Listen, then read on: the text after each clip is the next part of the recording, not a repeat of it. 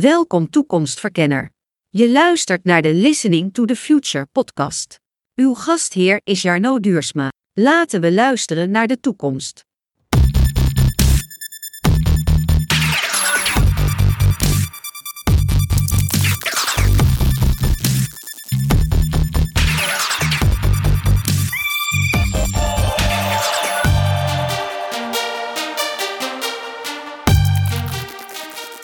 Hey, welkom en leuk dat je er weer bent. Je luistert naar de Listening to the Future podcast. Mijn naam is Jarno Duursma. Ik ben trendwatcher digitale technologie. Ik ben spreker en auteur.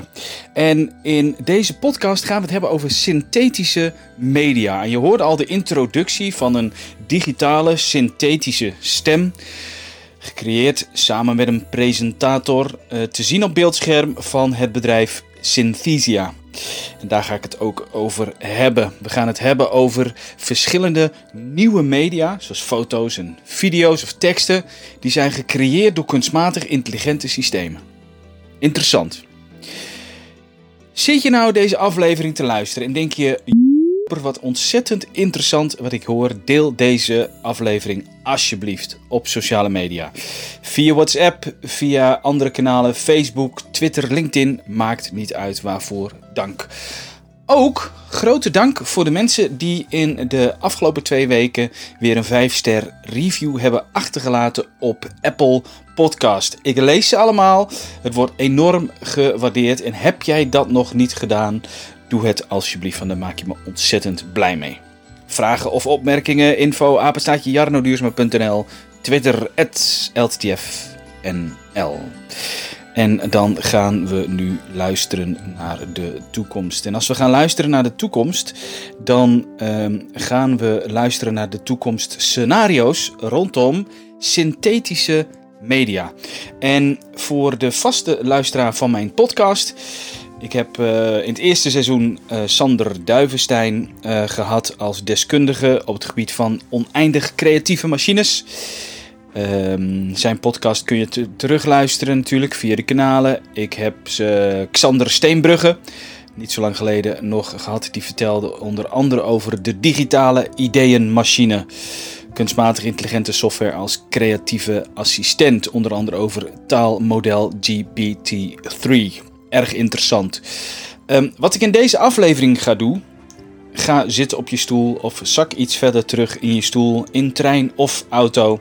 Ik ga het artikel met jullie delen wat ik eh, deze week eh, gedeeld heb op mijn website. En we zitten nu ongeveer eind september van het jaar 2020 wanneer dit wordt opgenomen. En wat ik doe, ik vertel iets over wat überhaupt synthetische media eh, zijn en wat de toepassingen zijn in de toekomst. Dus waar we dat gaan zien. Dus je zult merken dat ik af en toe iets voorlees en dan terloops vertel ik daar iets bij om jullie helemaal op de hoogte te brengen van het concept van synthetische media en wat de toekomstscenario's zijn. Je zult ook in deze podcast dingen horen die nog niet bijvoorbeeld in eerdere podcasts zijn genoemd en daarom dus ook voor de vaste luisteraar erg interessant. Laten we beginnen natuurlijk met de vraag: wat zijn dat dan, hè? synthetische media? Nou, eigenlijk zijn synthetische media verschillende media, zoals foto's of video's, teksten of geluidsfragmenten, hè, audio. Die zijn gecreëerd of aangepast door kunstmatig intelligente software. En dit soort AI-achtige software kan realistische voorbeelden maken of bestaande media dermate aanpassen dat er gewoon hele nieuwe media ontstaan, zogenaamde synthetische media. Zo wordt het bijvoorbeeld mogelijk om volledig nieuwe en geloofwaardige video's te creëren. Het is al mogelijk om onderling gezichten in video's te verwisselen. Het is al mogelijk om iemands stem te klonen, iemands stem na te bootsen. Het is al mogelijk om geloofwaardige teksten te genereren. En objecten in video's of foto's weg te poetsen alsof ze er nooit zijn geweest. Synthetische media. Kunstmatig intelligente software als onze creatieve assistent. Met dit soort slimme software wordt het mogelijk om nieuwe ideeën te genereren op basis van bestaande voorbeelden. Je voedt de machine met voorbeelden En door soms generatieve software systemen, de GANS, komt daar nieuwe output. En die output, dat zijn dus niet letterlijke kopieën van de voorbeelden, maar volkomen nieuwe variaties. De foto's, video's, teksten of audiofragmenten, die worden dus gecreëerd door, aanhalingstekens, de verbeeldingskracht van slimme software. Kunstmatig intelligente software wordt daarmee een ideeënmachine, omdat hij dus geen letterlijke kopieën genereert, maar volkomen nieuwe output. Nou, slimme software die heeft al in de afgelopen jaren steeds meer menselijke vaardigheden van ons overgenomen, zoals kijken, luisteren, spreken en lezen. En nu worden de eerste veelbelovende vervolgstappen gezet op het gebied dus van de verbeeldingskracht. Nou, mocht je overigens hier meer over willen lezen, um, in oktober van het vorig jaar 2019 schreef ik het rapport Machines met verbeeldingskracht, een kunstmatige realiteit, waar je nog veel meer voorbeelden gaat uh, lezen. Nou, als we het hebben over synthetische media, dan zijn vooral de voorbeelden bekend van de mensen die niet bestaan, de fotomodellen die niet bestaan, uh, de katten die niet bestaan, curriculum vitae's die niet bestaan of de Airbnb-pagina's die niet bestaan. Je kunt, je kunt zoeken op Google en je vindt dan generatieve software in de browser die met één klik van verversing weer een nieuw fotomodel genereert dat in werkelijkheid niet bestaat, maar is gecreëerd door een machine op basis van voorbeelden. En je kent misschien ook wel de deepfake technologie waarbij het gezicht van de ene persoon wordt verwisseld met dat van een ander. En inmiddels maakt kunstmatig intelligente software ook muziek op basis van voorbeelden die menselijke artiesten eerder bedacht hebben. OpenAI's Jukebox is daar bijvoorbeeld een voorbeeld van. Dit soort synthetisch kunstmatig intelligente software is inmiddels ook in staat om teksten samen te stellen op basis van bestaand materiaal. Of juist, aan de donkere kant, rechtsextremistische manifesten te schrijven. Sommige van die teksten zijn niet te onderscheiden van teksten die door mensen geschreven zijn. En er zijn ook de eerste voorbeelden van digital avatars, digitale medewerkers, digitale weerspiegelingen van mensen op het scherm, die moeiteloos teksten voorlezen in verschillende talen. Overigens zijn synthetische kunstuitingen ook zeer de moeite waard en de mens heeft daarbij overigens een ondergeschikte rol. Je kunt kijken naar Artbreeder bijvoorbeeld, of een aantal voorbeelden bij mijn blog uh, op mijn website. Synthetische media zullen het proces van creativiteit democratiseren en dus voor iedereen beschikbaar maken. En mensen kunnen steeds zelf makkelijker en goedkoper zelf dus die creatieve content maken. Bijvoorbeeld video's van hoge kwaliteit produceren met zichzelf in de hoofdrol.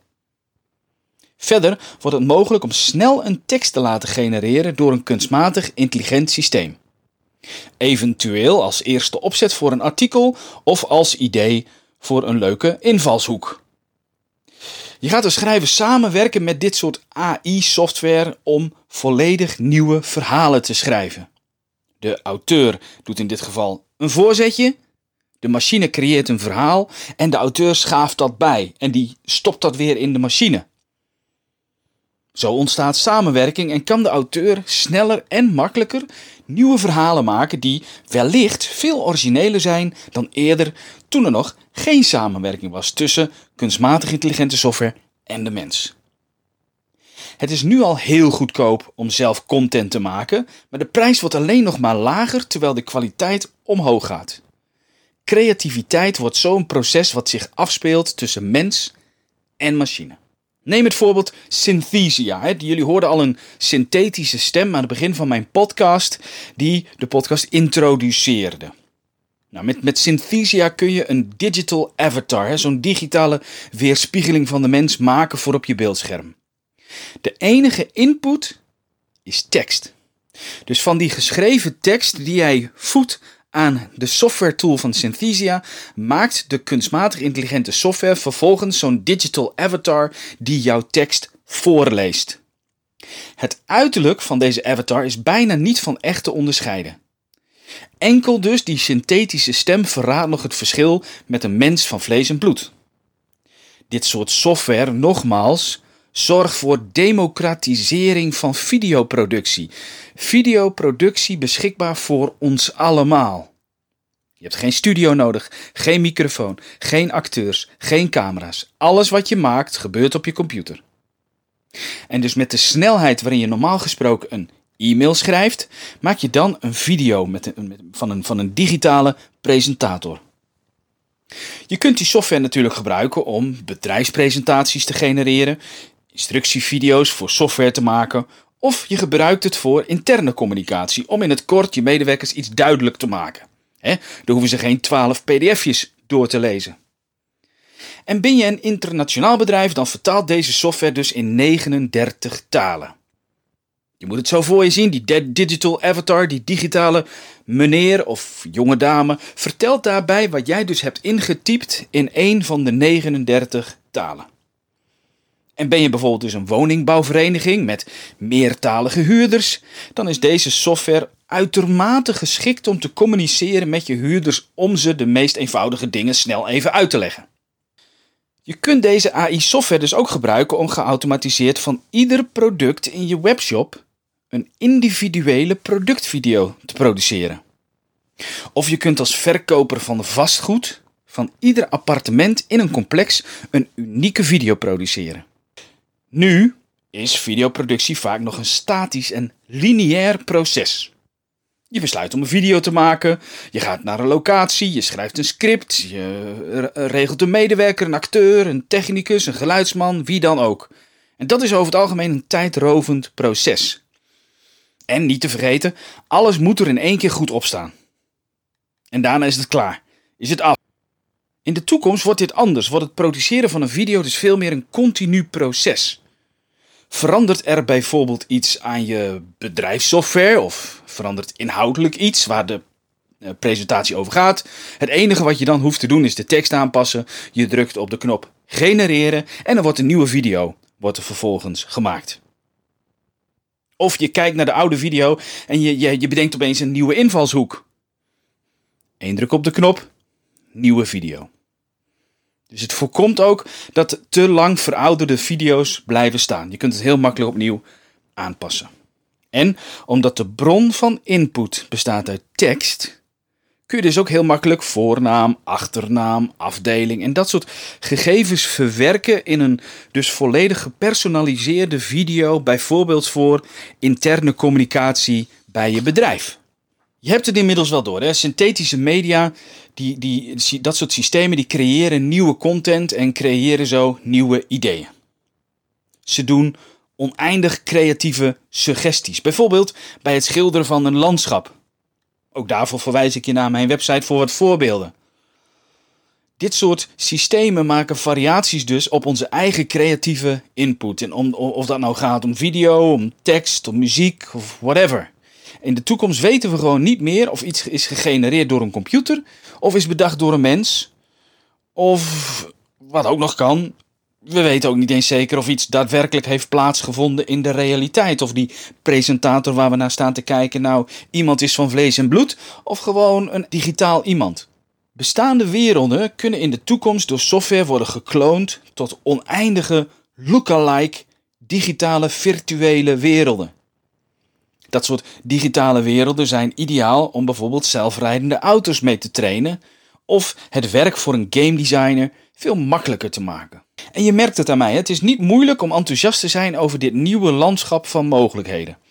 Wij zullen als mensen op het gebied van creativiteit en innovatie steeds meer de interactie aangaan met kunstmatig intelligente machines. Op sommige vlakken zullen dit soort machines het creatieve proces enorm vergroten, door met grote snelheid nieuwe ideeën te genereren. Sommige ideeën lijken in eerste instantie wellicht onnozel of hallucinogeen, maar soms zijn ze verrassend vernieuwend en inspirerend. En dan gaat het dus overigens niet alleen om visuele input, maar ook over tekst en taal. Een heel bekend voorbeeld van dit soort teksttechnologie is het taalmodel GPT-3. Het is een AI-systeem dat is getraind om zelfstandig geloofwaardige teksten te genereren, synthetische teksten. Het GPT-3-systeem kan in feite één ding heel erg goed. het volgende woord in een bepaalde zin voorspellen. Daardoor kan GPT-3 volledige teksten produceren die lijken op teksten die een mens heeft geschreven. Het computersysteem heeft daarbij overigens geen enkele weet van de betekenis van woorden. Het is vooral goed in het doen van woordvoorspellingen. Het is eigenlijk dus een super geavanceerde autocomplete functie. Zoals je dat ook als hele simpele versie misschien herkent van de woordsuggesties die je telefoon geeft wanneer je aan het typen bent.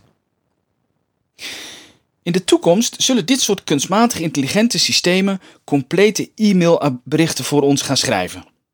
Dan hoeven wij die berichten enkel en alleen nog door te lezen voordat we ze goedkeuren waarna het bericht kan worden verstuurd. Het is zelfs voorstelbaar dat in de wat verdere toekomst kunstmatig intelligente systemen namens ons reageren op gemakkelijk te beantwoorden e-mails. Dat klinkt nu nog futuristisch, maar de kwaliteit van dit soort GPT-3 autocomplete software gaat met sprongen vooruit. En wie weet gaat het aanvullen van onze zinnen in e-mails, blogs en berichten op sociale media door GPT-3-achtige software in de toekomst heel natuurlijk aanvoelen. Vertalen van grote stukken tekst wordt over niet al te lange termijn in dat geval nagenoeg perfect en zal vrijwel in real-time kunnen plaatsvinden. Ook behoort het schrijven van een samenvatting door AI-software op basis van een heel lang artikel of whitepaper zeker tot de mogelijkheden. GPT-3 software is inmiddels al een goede hypothese creërende machine. Zo creëert het bijvoorbeeld al ideeën voor startups. Sommige ideeën zijn overigens heel onnozel, maar tegelijkertijd zijn andere ideeën weer heel briljant. Synthetische mediasystemen zijn dan als het ware mee-fantaserende machines. Daar zijn ze goed in, in mee-fantaseren. Hypotheses creëren. En er zijn nog veel meer gebieden waar we hulp gaan krijgen van kunstmatig intelligente software die content gaan maken, bedenken of aanpassen. Soms met behulp van mensen, maar soms ook redelijk autonoom. We zien overigens dus niet dat dit soort generatieve AI-software wordt gebruikt bij beeld en tekst, maar ook bij audio. En niet alleen zien we generatieve AI-systemen muziek creëren, maar zelfs de menselijke stem laat zich door AI genereren. Sommige bedrijven zijn erin geslaagd om synthetische stemmen te genereren die niet meer van echt te onderscheiden zijn, zoals bijvoorbeeld Google's WaveNet. De robotstem is al lang niet blikkerig en houterig meer, maar nog maar met moeite van echt te onderscheiden. Ook is het inmiddels mogelijk om je eigen stem te klonen. Nog niet perfect, nog niet feilloos, maar daar zijn we naar onderweg. Toepassingen van synthetische spraak- en voice cloning zijn bijvoorbeeld een Spotify-reclame kan bijvoorbeeld snel worden gepersonaliseerd wanneer een reclamestem ook jouw naam gebruikt. Nieuwslezers kunnen 24 uur per dag het nieuws voorlezen, zolang je ze maar voedt met nieuwe teksten. De stem van je dierbare kun je klonen, zodat je ook na het overlijden tegen je kunt praten via je smart speaker. Het wordt makkelijker om een audioboek uit te brengen naast je gewone boek. Het slechte scenario, wanneer dit feilloos werkt, kun je iemand anders van alles laten zeggen in een audiofragment. Denk aan smaad, reputatieschade, chantage, identiteitsfraude. Rapper Jay-Z heeft overigens recent nog bezwaar gemaakt tegen voice cloning video's, waarin hij zogenaamd het nummer We Didn't Start the Fire van Billy Joel rapt. Het is logisch dat voice cloning haar intrede doet in de muziekindustrie. Van artiesten zijn er inmiddels voldoende audiosamples om slimme AI-systemen mee te trainen. Het roept wel de vraag op: is iemand eigenaar van zijn of haar eigen stem? Dat hangt overigens van een aantal factoren af. Of je bijvoorbeeld een publiek figuur bent of niet. En of een video bedoeld is voor satire. En of je, of, je geld wil verdienen met een of ander nepalbum. Of dat je dit soort technologie gebruikt om iemand in een kwaad daglicht te stellen. Wil je overigens meer weten over dit soort deepfake technologie die ook wordt gebruikt voor de donkere kant, dan kun je gratis mijn rapport downloaden Deepfake Technologie The Infocalypse. Gratis te downloaden van mijn website in het Nederlands.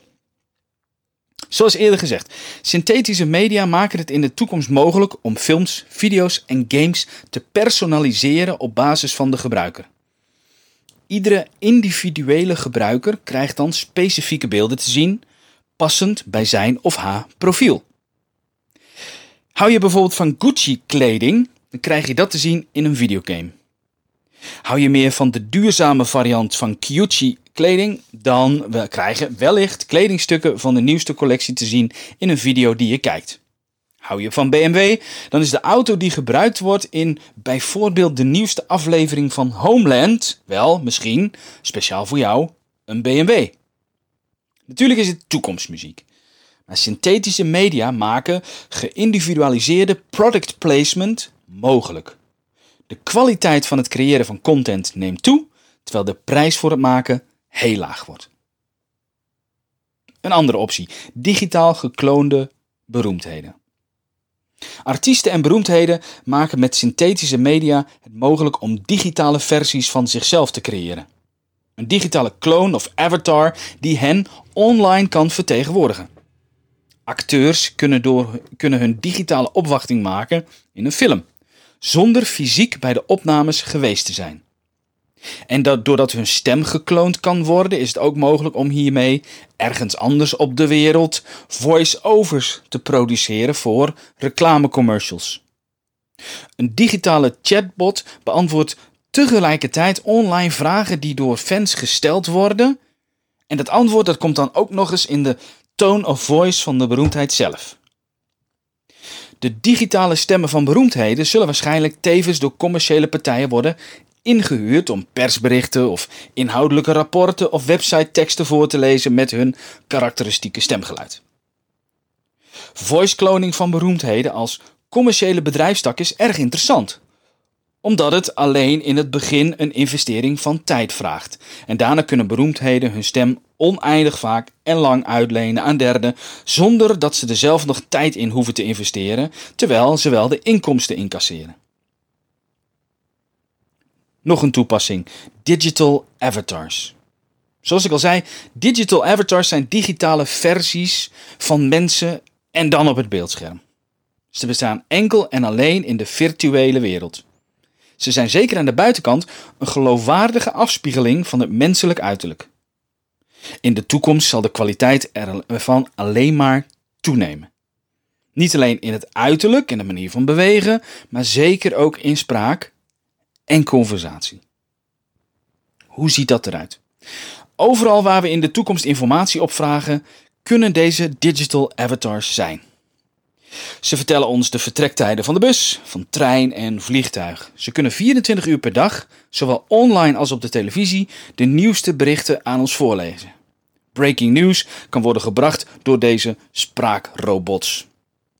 Op elk moment van de dag, 24/7, lezen ze ons het weerbericht voor, nemen ze onze bestellingen op bij fastfoodrestaurants en doen ze op sommige plekken zelfs een korte intake.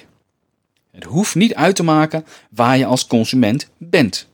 Je kunt het doen vanuit je luie stoel, op je smartphone of op de locatie zelf. Digital avatars kunnen worden getraind in het beantwoorden van de veelgestelde vragen die in grote getalen bij de klantenservice binnenkomen.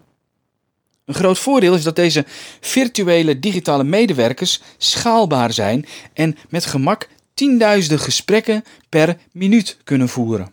Of in een video 10.000 keer iets tegelijkertijd kunnen uitleggen terwijl iedereen een gepersonaliseerde video kijkt. En dit soort digital avatars die zijn vriendelijk. Ze zijn dienstbaar, ze volgen de protocollen, ze zijn nooit moe of zagrijnig, ze vermijden conflict en, in de toekomst, leren ze steeds meer inlevingsvermogen aan. De potentiële markt voor dit soort digital avatar software, waarbij deze avatars de meest gestelde vragen voor een bedrijf gaan beantwoorden, is immens. Wanneer deze software goed werkt en consumenten wennen aan het idee dat ze met een machine in gesprek zijn, zal deze oplossing gemeengoed worden. Een gevolg is dat personeel dat voor hun werk eenvoudige vragen van klanten moet beantwoorden, daarbij gedeeltelijk of in het geheel zou kunnen worden vervangen door dit soort software. Digital avatars zul je, zoals inmiddels ook wel duidelijk is, ook tegenkomen in de opleidings- en trainingsindustrie. Heeft die werkgever nieuwe software in gebruik genomen, een digital avatar, legt hij het uit in een gepersonaliseerde video met je eigen naam, functie en, soepel gesproken, in je eigen taal. Prachtig. Synthetische media bieden vele voordelen en kansen. Overleden acteurs kunnen bijvoorbeeld gemakkelijker dan ooit weer, tussen aanhalingstekens, tot leven worden gewekt in nieuwe films met deepfake-achtige technologie. Acteurs hoeven bepaalde scènes niet meer over te doen en dialogen kunnen achteraf worden aangepast. Advertenties laten zich gemakkelijk aanpassen aan meerdere taalgebieden, zodat het niet opvalt dat de Nederlands gesproken reclame vanuit het Duits is nagesynchroniseerd. Stuntmannen hoeven in films minder gevaarlijk werk te doen en historische figuren kunnen in het heden digitaal tevoorschijn komen en zo het onderwijs voor leerlingen interessant maken. Synthetische media zijn een nieuwe revolutie in het medialandschap. Na de opkomst van massamedia, het internet, sociale media web 2.0 is dit de vierde mediarevolutie. Wacht niet te lang met het pakken van de kansen, zou ik zeggen.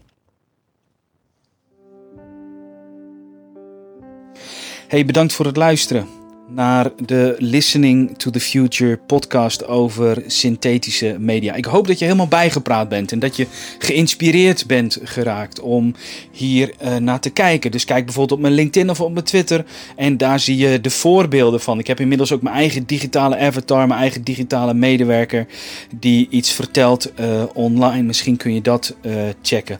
Ontzettend bedankt voor het luisteren. Beste mensen, nogmaals, vond je het tof? Deel het met je vrienden, met je familie, met je collega's. Dan helpt dat mij om de show verder te verspreiden. Vragen, opmerkingen, je weet me te vinden. Info jarnoduursma.nl of op Twitter LTTFNL. Ook een 5-ster review op Apple wordt enorm gewaardeerd. Beste mensen, tot de volgende aflevering van de Listening to the Future podcast. En nogmaals bedankt voor het luisteren.